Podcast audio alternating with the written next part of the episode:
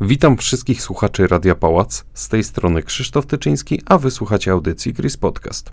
Dziś porozmawiamy o tym, jak wejść do szybko rozwijającego się rynku gier wideo, ale skupimy się bardziej na tym, jak gry się tworzy oraz gdzie można się tego nauczyć. Moim oraz Państwa gościem jest Piotr Matecki, business developer z Future Games Poland. Witaj Piotrze. Cześć, dzień dobry. Zacznijmy od tego, czym właściwie jest Future Games. Future Games to szkoła e, game devu, szkoła dla osób, które chcą tworzyć grę. E, nasze kierunki w Szwecji, jesteśmy firmą ze Szwecji, tam jesteśmy na rynku od 20 lat i w zasadzie kierunki, które tam oferujemy, pokrywają całość zapotrzebowania game devu na, na specjalistów. W Polsce ruszamy z pilotażową szkołą, teraz z trzema korowymi kierunkami, czyli z game design, game art i game programming. To są trzy funkcje przy tworzeniu gier, które są niezbędne, aby gra powstała. Um, a jak właściwie przebiega nauka na tych poszczególnych kierunkach? Czego uczą się game ar- na game artists, game designer, game designer i game programmer? Kursy trwają, Game Artist i Game Designer trwają dwa lata, Game Programmer dwa i pół roku. Są bardzo praktyczne, nastawione na to, żeby w teorię przekładać od razu na, na praktyczne działania. Nasi studenci w ciągu dwóch lat tworzą cztery projekty gier.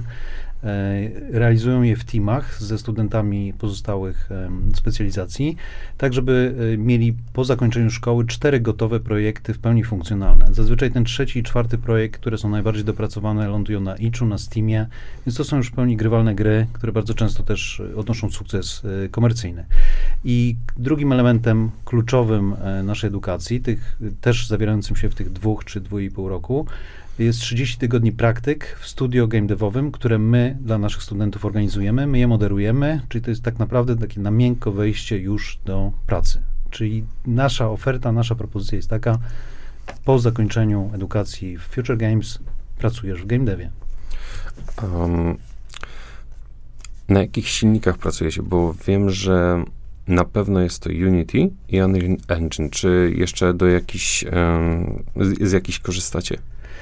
Y, nasza, nasze curriculum zawiera kursy dotyczące wszystkiego, co jest w danym momencie na rynku. Mamy Unity, mamy Unreal. Y, nasi y, i mentorzy, którzy są na stałe obecni w klasie i są do dyspozycji studentów, i tutorzy, którzy wdzwaniają się na lekcje, uczą tego wszystkiego, co jest potrzebne firmom game devowym.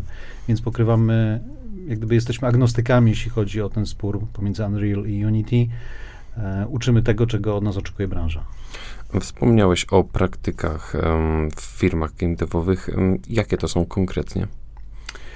E, w tej chwili mamy już nawiązane w Polsce kontakty z ponad 40 firmami game devowymi, które wstępnie wyraziły chęć przyjmowania naszych, e, naszych studentów na praktyki. E, to jest proces, który domaga dopięcia i jak gdyby w, za sfinalizowania umów z tymi firmami, więc jeszcze nie mogę podawać nazw. E, powiem tylko, że w poniedziałek, 19 czerwca, ogłosimy naszą strategiczną współpracę z jedną z największych polskich firm game devowych, więc śledźcie nas na social mediach. E, myślę, że będzie o tym głośno. E, no i mamy wtedy jeszcze rok, zanim nasi studenci będą już tych pierwszych, tego pierwszego rocznika gotowi do pójścia na praktyki. Mamy rok, żeby dopiąć umowy z innymi firmami, ale myślę, że to będzie formalność po tym, jak przyjaźnie i entuzjastycznie przyjął nas Game Dev tutaj. Jeśli chodzi o Szwecję, to firmami, które y, brały na praktyki naszych studentów i wciąż biorą y, są Hazelight, y, Epic, DICE, Paradox Interactive, Starbreeze, Fat Shark. Jak mamy tam, my przeszkoliliśmy 14% osób pracujących w game devie w Szwecji, więc jesteśmy tam od 20 lat, więc jesteśmy taką organiczną częścią rynku i ten sam model chcemy powtórzyć tutaj w Polsce. No tak, od ponad 20 lat, chociaż mogłoby się wydawać, że jest to dość młoda inicjatywa. Um, jak właściwie to się zaczęło? E, to jest dobre pytanie. Nie do końca skierowane do mnie, ponieważ e, Future Games jest tworem dwóch założycieli, Toma Lojke, e, Duńczyka mieszkającego w Szwecji i Pera Myrena, którzy do po dziś dzień są, są w szkole. Per Myren jest biznes developerem Future Games, Tom Lojke jest CEO. No i był to twór dwóch entuzjastów game devu i edukacji. Wraz ze startem działalności Future Games, jak było ono wtedy przyjęte na szwedzkim rynku? E, z tego co wiem od założycieli, od Toma i Pera, to e, był to, no była to trochę droga pod górę. Główne wyzwanie, z jakim się mierzyli, to wciągnięcie do współpracy, zgodnie z ich wizją tego modelu edukacji, wciągnięcie do współpracy firm game devowych. Każda z tych firm patrzyła na uczestnictwo pozostałych swoich konkurentów jako na taką no, jako na konkurencyjne działania, mhm. więc y, dużo czasu im zajęło jak gdyby stworzenie takiej przestrzeni, neutralnej przestrzeni dedykowanej tylko edukacji y, i to się powiodło. Po mniej więcej 10 latach już było tak, że przedstawiciele Epic, Paradox, y, Starbreeze siedzieli ramię w ramię w naszej Radzie Edukacyjnej i doradzali, czego mamy, czego szkoła ma uczyć. Także ta, jakby ta sfera została wyjęta spod takiego, spod tej e, twardej konkurencyjności i współzawodnictwa. I my do tego będziemy dążyć w Polsce i tu też widzimy, że to będzie pewne wyzwanie, tak żeby firmy zaczęły ze sobą współpracować, żeby tych game developerów na rynku było ogólnie więcej, mhm. żeby mogły z nich e, ułowić dla siebie talenty, a nie rywalizowały tylko o tych, e, którzy teraz są, tak żeby wspólnie tworzyli jak gdyby win-win situation. Przyjęło się to w Szwecji, ale czy szkoły tego typu cieszą się dużą popularnością w innych częściach świata? Mm, bo jakby nie patrzeć wciąż wielu ludzi może odczuwać chęć samodzielnej nauki. E, z tego co wiem, my uczestniczymy w takim rankingu na najlepsze szkoły e, game devu na świecie prowadzonym przez The Rookies. Polecam też stronę. To jest e, platforma, która skupia naj, najlepsze jakby prezentuje najlepsze szkoły, talenty i cały czas animuje to środowisko game devowe. Mhm. Tych szkół jest dużo na świecie, jest ich coraz więcej, e, branża rośnie, profesjonalizuje się na wszystkich stanowiskach, więc e, no, niedaleko szukać takiej firmy jak CD Projekt, People Can Fly, 11-Bit Studio. Nasze rodzime potrzebują naprawdę fachowców najwyższej klasy, więc jest zapotrzebowanie na, na wykwalifikowane osoby, które nie tylko znają swoje, swój wycinek, czy to jest programowanie, czy design, ale też potrafią pracować w pewnej kulturze, e, w zespole, mhm. znają Agile, Scrum, potrafią się poruszać e, płynnie w, w pracy w takich dużych strukturach. No i my to oferujemy. I jeszcze druga rzecz jest taka, że widząc to zapotrzebowanie na, na ludzi mocno wyedukowanych w branży game dev, włączyli się w to tacy aktorzy jak uniwersytety, politechniki, i to, co, co ja obserwuję, to jakby to jest bardzo fajna inicjatywa i, i szlachetna, natomiast sam mm, tryb nauki tam jest bardziej teoretyczny i nie do końca przystaje do tego, co, co potrzebują firmy game devowe. Mhm. My z kolei koncentrujemy się całkowicie na praktyce. Mm, to, czego uczymy, jest opiniowane przez reprezentantów szkół game de, y, firm game devowych. Mamy radę edukacyjną, z którą się spotykamy co pół roku. Na bieżąco dostosowujemy kurikulum E, nauka jest modułowa. Kontraktujemy też tutorów ze świata, którzy wdzwaniają się na lekcje live do klasy. Mamy ludzi, nauczycieli, którzy na co dzień pracują w game devie z Turcji, z Wenezueli, ze Stanów, Szwecji, UK. Więc mamy taki bardzo dynamiczny model, który dostosowuje się do tego, czego potrzebuje rynek. Opowiedz jeszcze trochę o tym, jak e, Future Games nawiązało kontakty w Polsce i na jakie trudności napotkaliście podczas tego procesu?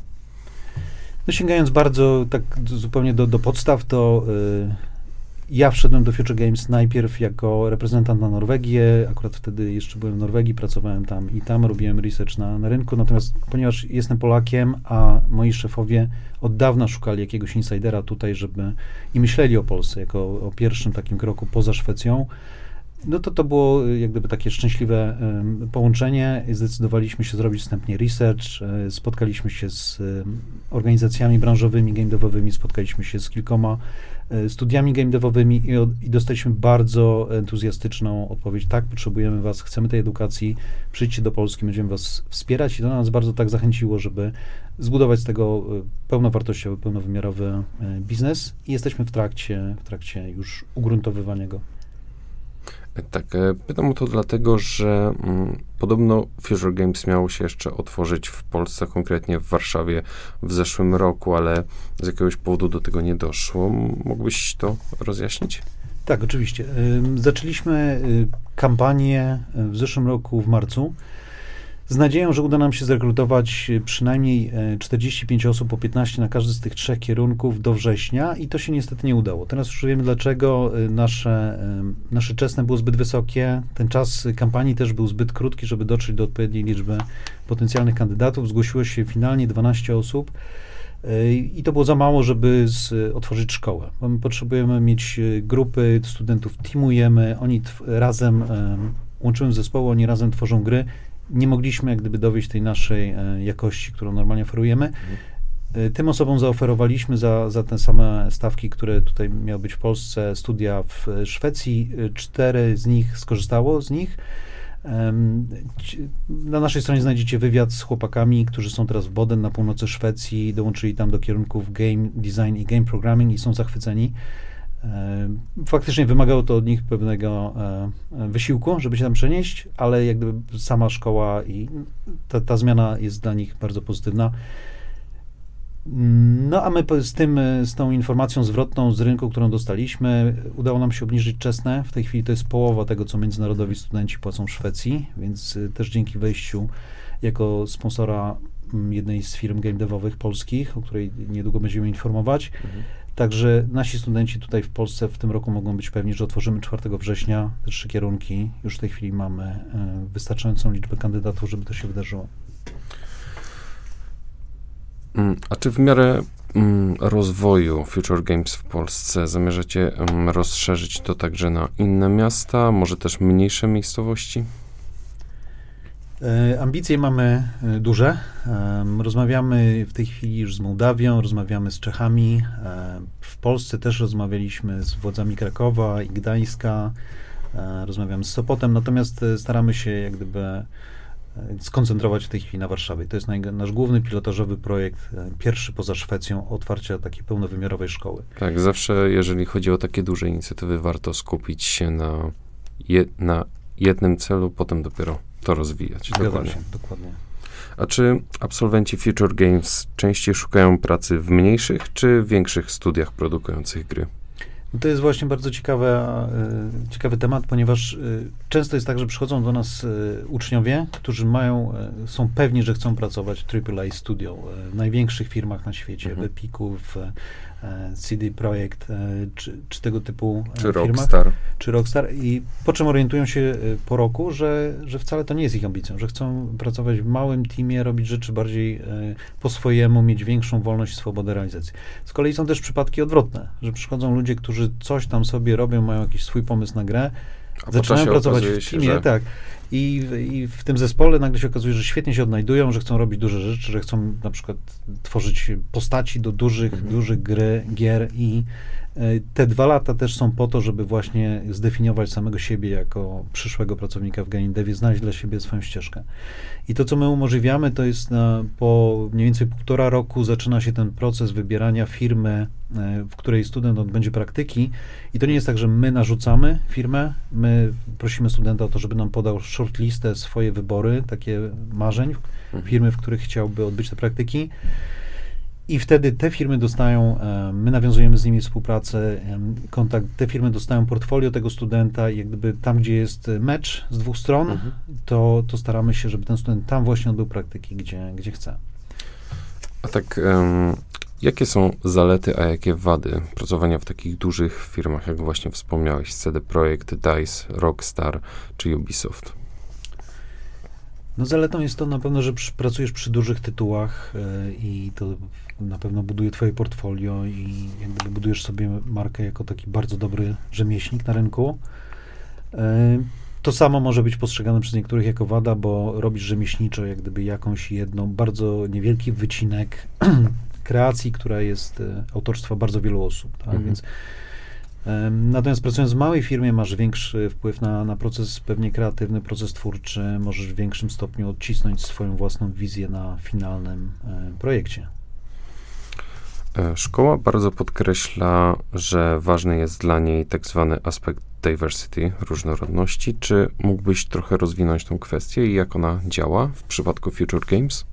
Tak, e, bardzo chętnie, ponieważ w naszym przypadku to nie jest jakiś greenwashing, że my po prostu sobie e, robimy z tego jakieś takie deklaracje. E, my naprawdę w, w zróżnicowaniu naszych studentów widzimy dużą wartość dla, dla procesu Dla edukacyjnego. gier. Tak, i też dla, dla innych studentów, z którymi się uczą.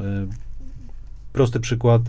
E, Mieliśmy studenta, który był głuchy i on e, funkcjonując w teamie, e, z zespole z innymi studentami, gdy tworzyli grę, wymógł na nich, żeby tak dobre stworzyli wskazówki wizualne w grze, że jak gdyby warstwa ta dźwiękowa Warstwa dźwiękowa nie, nie była istotna, konieczna. nie była konieczna, więc on był jak gdyby najlepszym od razu testerem samej gry.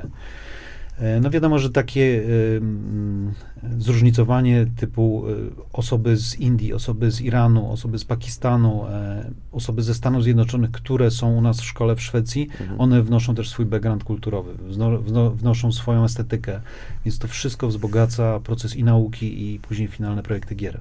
Mhm. No, w sumie nie dziwi to z racji, że w ostatnich latach pojawia się coraz więcej tytułów, które oferują pomoc, no, wspomaganie dla osób z pewną formą niepełnosprawności. Mm, Dokładnie, a to się przekłada też na, no krótko mówiąc, na, na biznes, tak, bo y, nie wiem, włączając dodatkowe grupy odbiorców, czy podnosząc barierę wieku swojej grupy docelowej, powiedzmy z 30 do 50 lat, jak gdyby otwierasz się na, na włączysz dużo, dużo większą grupę potencjalnych odbiorców dla danego tytułu. A jak na mm, fakt mm, studiowania w Future Games e, reagow- reagują zwykle takie duże firmy, jak e, no, wspominaliśmy, DICE mm, czy Rockstar, czy Ubisoft?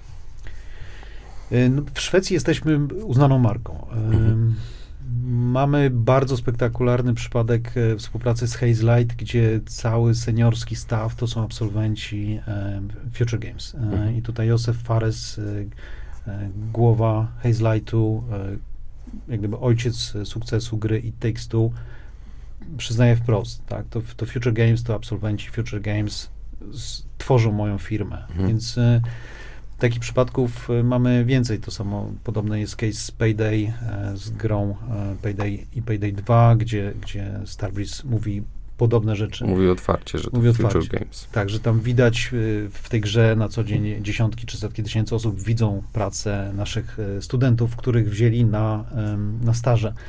Więc y, no to jest marka sama w sobie w Szwecji. Em, Bardzo chętnie przyjmują naszych absolwentów y, firmy game devowe tam, studia, bo wiedzą, że są nie tylko znają swoją jak gdyby wycinek, czy to jest programowanie, design, czy, czy art, ale też potrafią pracować w teamie. Są tego uczeni, potrafią się komunikować dobrze, e, znają metodologię Agile, Scrum, więc są naprawdę cennymi pracownikami i przekłada się to na, na to, że nasz procent zatrudnialności to jest 96, 96% naszych absolwentów w Szwecji dostaje pracę zaraz dzień po skończeniu szkoły. Czy zwykle przychodząc do Future Games trzeba już mieć jakieś doświadczenie na przykład z programowaniem, czy, czy można iść tak kompletnie nie znając się na tym? My oczekujemy już jakiegoś poziomu zaawansowania od naszych Mhm. kandydatów, więc w przypadku artystów no to jest portfolio, czy to jest 2D, czy 3D, coś, co ich określa jako artystów i, i pokazuje już nam jakieś umiejętności. E, W przypadku programistów jest to umie- znajomość jakichś podstawowych technik programowania. Też mamy swój test, który wysyłamy, Mhm. więc y, to jest jak gdyby miarodajny, taki obiektywny wskaźnik. Natomiast w przypadku designerów jest to y, podzielenie się z nami, czy to swoim własnym konceptem gry rozpisanym w formie scenariusza z poziomami, z postaciami, z mechanikami, z, z całą narracją, czy analiza już istniejącej gry. Więc za każdym razem, em, tak, przy każdym z tych kierunków wymagamy już jakiegoś em, wkładu od studenta i pokazania swojego poziomu. Tak. A jak wygląda właściwie zakończenie nauki w Future Games? Czy mm, przeprowadzane są egzaminy, pisze, studenci piszą jakieś mm, prace naukowe? Y, Nie ma prac naukowych, my nie jesteśmy jak gdyby częścią systemu naukowego, i bo, bo system naukowy z, z samej nazwy jest, jest teoretyczny. My stawiamy na praktykę i na to, żeby studenta wprowadzić na rynek pracy i dać mu tę pracę. Mhm. Także y, egzaminy są, można powiedzieć, cztery i za każdym razem jest to prezentacja swojego projektu gry przed gremium nauczycielskim. E, no i zrobienie takiego pitchingu. My też uczymy technik pitchowania, jak to dobrze sprzedać, żeby studenci potrafili z, o swoich projektach opowiadać, żeby zmieścili się w czasie, żeby to trwało 5 minut, żeby pokazało wszystkie atuty gry. Więc de facto są cztery takie egzaminy. Pierwszy po projekcie gry pierwszym, drugi, trzeci, czwarty projekt gry, każdy kończy się też taką jakby prezentacją gry i sprzedaniem tej gry, w cudzysłowie, gremium nauczycielskiemu. Więc to są cztery egzaminy. Później praktyki nie kończą się już żadnym egzaminem, a zazwyczaj kończą się nawiązaniem relacji mhm. pra, pracodawca, pra, pracobiorca między naszym studentem a studiem, w którym odbywa praktyki. Mhm. Praca, tak, praca, praca. To jest nasz cel. Nie, nie, Ciągła nie praca. E, mam to pytanie bardzo często na, na eventach, na, na Pixel Heaven, na, na um, eventach, na których się spotykamy z potencjalnymi e, kandydatami. Mhm.